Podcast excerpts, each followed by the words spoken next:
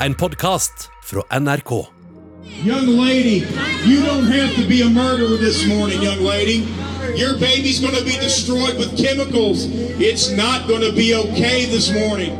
Det kan kanskje virke litt rart for oss her i Norge, det denne unge kvinnen akkurat opplevde. Å bli møtt av ropende abortdemonstranter som kaster blodige dokker på deg, mens en prest kaller deg for morder utenfor stedet du skal ta abort. Hvis du i det hele tatt har klart å oppdrive en klinikk, da. For selv om det er snart 50 år siden abort ble lov i USA, er abortmotstanden enorm. Det er ekstremt tabubelagt og ikke minst veldig vanskelig å få utført. Nå kan det bli enda vanskeligere for kvinner å ta abort. Faktisk ulovlig, frykter mange. Hvordan er det mulig? Skulle ikke USA være the land of the free?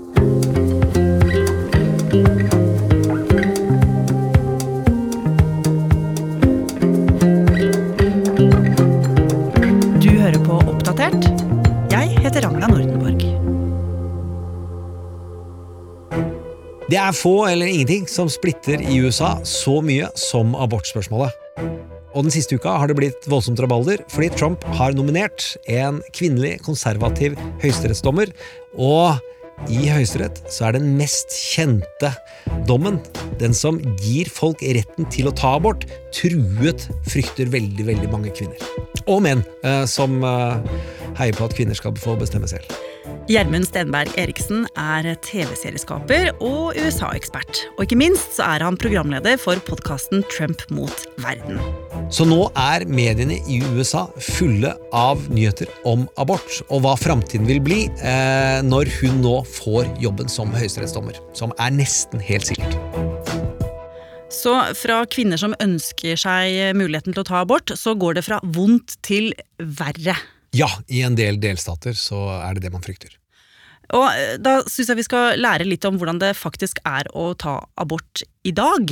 Eh, Vi skal høre på Bissy Phillips. Hun er en amerikansk TV-skuespiller som i fjor ble kjent for å ha delt sin abortfortelling fra da hun var 15 år, midt på 90-tallet. Og den fordelingen dro hun foran Kongressen i USA, altså nasjonalforsamlingen, eh, hvor det er veldig viktig at hun får folk til å føle og forstå hvor vanskelig det har blitt å ta abort i dag, til forskjell fra da hun var 15. I had an abortion when I was 15 years old in my home state of Arizona in 1994. It was not a decision that I made lightly, but I have never for one moment doubted that it was the right decision for me. But so much has changed in Arizona and many other states since then. If I were that same 15 year old in Arizona today legally, I would have to get parental consent. I would be forced to undergo a medically unnecessary ultrasound, go to a state mandated in person counseling session designed solely to shame me into changing my mind, and then take a state mandated 24 hour timeout to make sure I really know what I wanted. And finally, I would be forced to give the state a reason why. Well, Så det Busy Phillips eh, forteller her, er at dersom hun eh, hadde vært 15 år i dag i Arizona, så måtte hun bedt om lov eh, av foreldrene sine.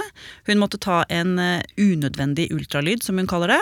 Hun måtte ha tatt en samtale med en person om hun virkelig ville dette, innenfor helsevesenet, regner jeg med.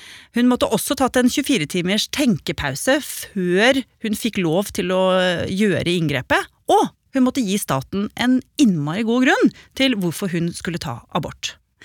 Og tro det eller ei, lista slutter jo ikke med dette. Gjermund, fortell om hvilke andre hindre kvinner møter på. Nei, i seks delstater så er det eksempel slik at du er tvunget under denne undersøkelsen å se i monitor, mens de viser deg hvordan fosteret ser ut, og du blir tvunget til å høre hjertelyden til fosteret før du bestemmer deg. Og et annet ganske drøyt grep er jo at du er tvunget til å gjennomføre begravelse, eller kremering om du vil, eh, av det fosteret som du da har abortert.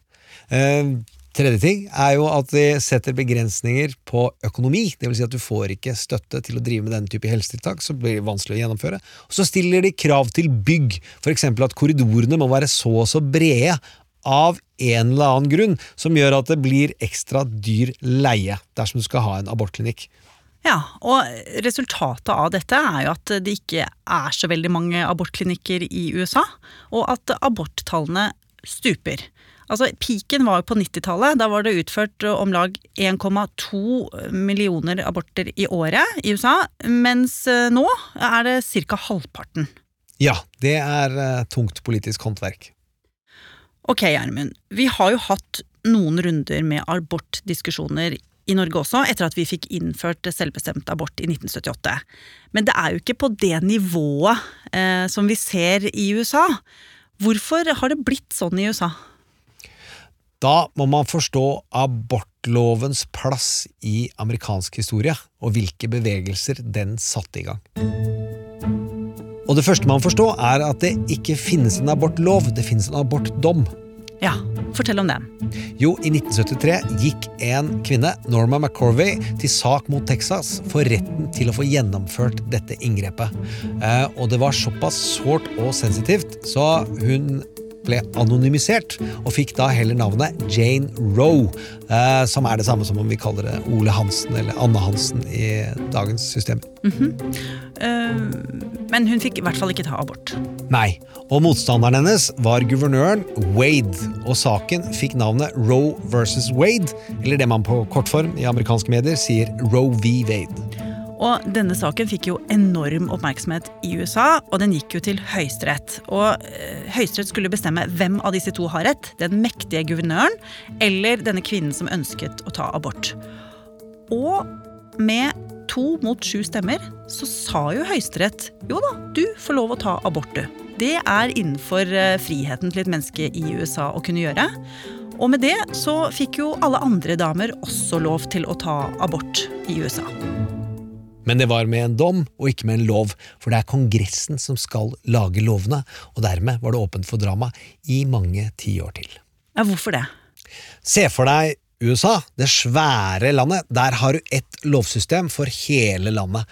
Men så har du 50 små ruter som har hvert sitt lovsystem, der én ting kan være lov i én delstat som er forbudt i en annen. Hmm. For eksempel hva da? Eh, som hasj, som er lov i California, men ikke i New York. Men i New York der kan du ikke gå med pistol, men det kan du gjøre i Texas. ja. Og der står vi med de tre. Hasj, abort og pistol. De tre mest omstridte sakene vi har. ja, jeg vil ikke være med på den festen der, kjenner jeg. Men uh, dette dramaet du varslet. Du sa jo det skulle bli mye drama etter at uh, Høyesterett bestemte uh, at kvinner kunne ta abort i USA i 1973. Ja, det var jo mange som var irritert på at kvinner skulle få denne retten til å ta eh, abort. Og de konservative politikerne allierte seg da med de kristenkonservative bevegelsene for å kjempe kamper i hver enkelt delstat, både for å gjøre det vanskelig å ta abort, og en hele tiden en vilje om å utfordre det i Høyesterett. Få en omkamp om Roe v. Wade. Så det mange politikere i de ulike delstatene gjør, det er å innføre lover lokalt, for å si det sånn, eh, som gjør det vanskeligere å utføre abort. Men det er ikke bare det de gjør. De lager også lover som de ønsker skal havne på Høyesteretts bord, for at eh, dommerne skal eh, gå gjennom Roe versus Wade-dommen igjen, og kanskje sette den til side. Og da har man jo ikke lenger en føderal dom som gjelder for hele USA om abort. Har jeg skjønt det rett da, Gjermund? Ja. De vil velte den, eller overturn, som det hetes på engelsk. Ja, og det har jo ikke Høyesterett for vane å gjøre i USA. Stryke eller underkjenne gamle dommer. Men nå øyner altså veldig mange av abortmotstanderne i USA et håp pga. denne nye dommeren. Fortell om det. Jo, det er slik at det er ni høyesterettsdommere i USA. Det er et oddetall, og det er jo ikke tilfeldig, for at det skal være et flertall for den ene siden. Det skal ikke låse seg fast. Eh, og per i dag så er det fem stykken som er villige til å opprettholde Roe versus Wade. Altså at det skal være lov å ta abort i samtlige delstater i USA, selv om det skal være veldig vanskelig i noen av dem. Mm. Når hun kommer inn, så er det et flertall for å sette til side Roe versus Wade. Det vil si at det er ned i delstatene dette skal bestemmes. Det skal være lov å bruke hasj i New York og ta abort i California, men ingen av delene i Texas. Og det skjer fordi Amy Coney Barrett etter alle solmerker blir ny høyesterettsdommer. Ja, og det gjør det fryktelig spennende, men vi vet ikke. Hvorfor ikke det? Fordi det er tradisjon når man blir nominert til Høyesterett, at man er ganske unnvikende i svaret om vil du avlyse Roe versus Wade? Eh, og det unnvikelsessvaret, det kan hun helt sikkert godt. Og da vet vi ikke om hun gjør det likevel etterpå, når hun har fått jobben på livstid. Og fått en sak på bordet hvor denne dommen fra 1973 står på spill. Ja, og hun kan vokte over det resten av sitt liv, og dama er yngre enn oss, Ragna. I hvert fall deg, Gjermund. Eh, nei, jeg fikk et lite drypp. Jeg er ikke 48, jeg heller, nei. Her qualifications are unsurpassed, unsurpassed, and her record is beyond reproach. Good luck. It's going to be very quick. You are very eminently qualified for this job. You are going to be fantastic. Thank you. Really fantastic. Og som vi hører, Trump er jo veldig begeistret for denne dommeren som han har nominert. Vi får jo se om det går igjennom og blir vedtatt og alt det der, denne ansettelsen. Men hvorfor er det så viktig for Trump å vise muskler i denne saken? Altså, Vi har vært innom det for en liten stund siden i en annen episode i Oppdatert, men forklar det en gang til, Gjermund. Mest av alt fordi han tror det mobiliserer velgerbasen hans så han kan vinne valget, men det er også sånn at han får vedtatt tre høyesterettsdommere i én presidentperiode. Det er det nesten ingen som har, og han får gjort noe med abortloven, som vi sa er en av de mest omstridte fenomenene i nyere amerikansk historie. Og da er ettermælet sikra blant de konservative i USA.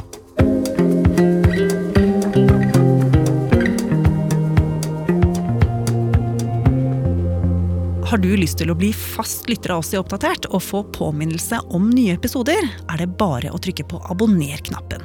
Da får du automatisk beskjed når en ny episode er klar. Oppdatert er en podkast fra NRK Nyheter, og vi som jobber her, er Ida Tune Øretsland, Petter Sommer og jeg, Ragna Nordenborg.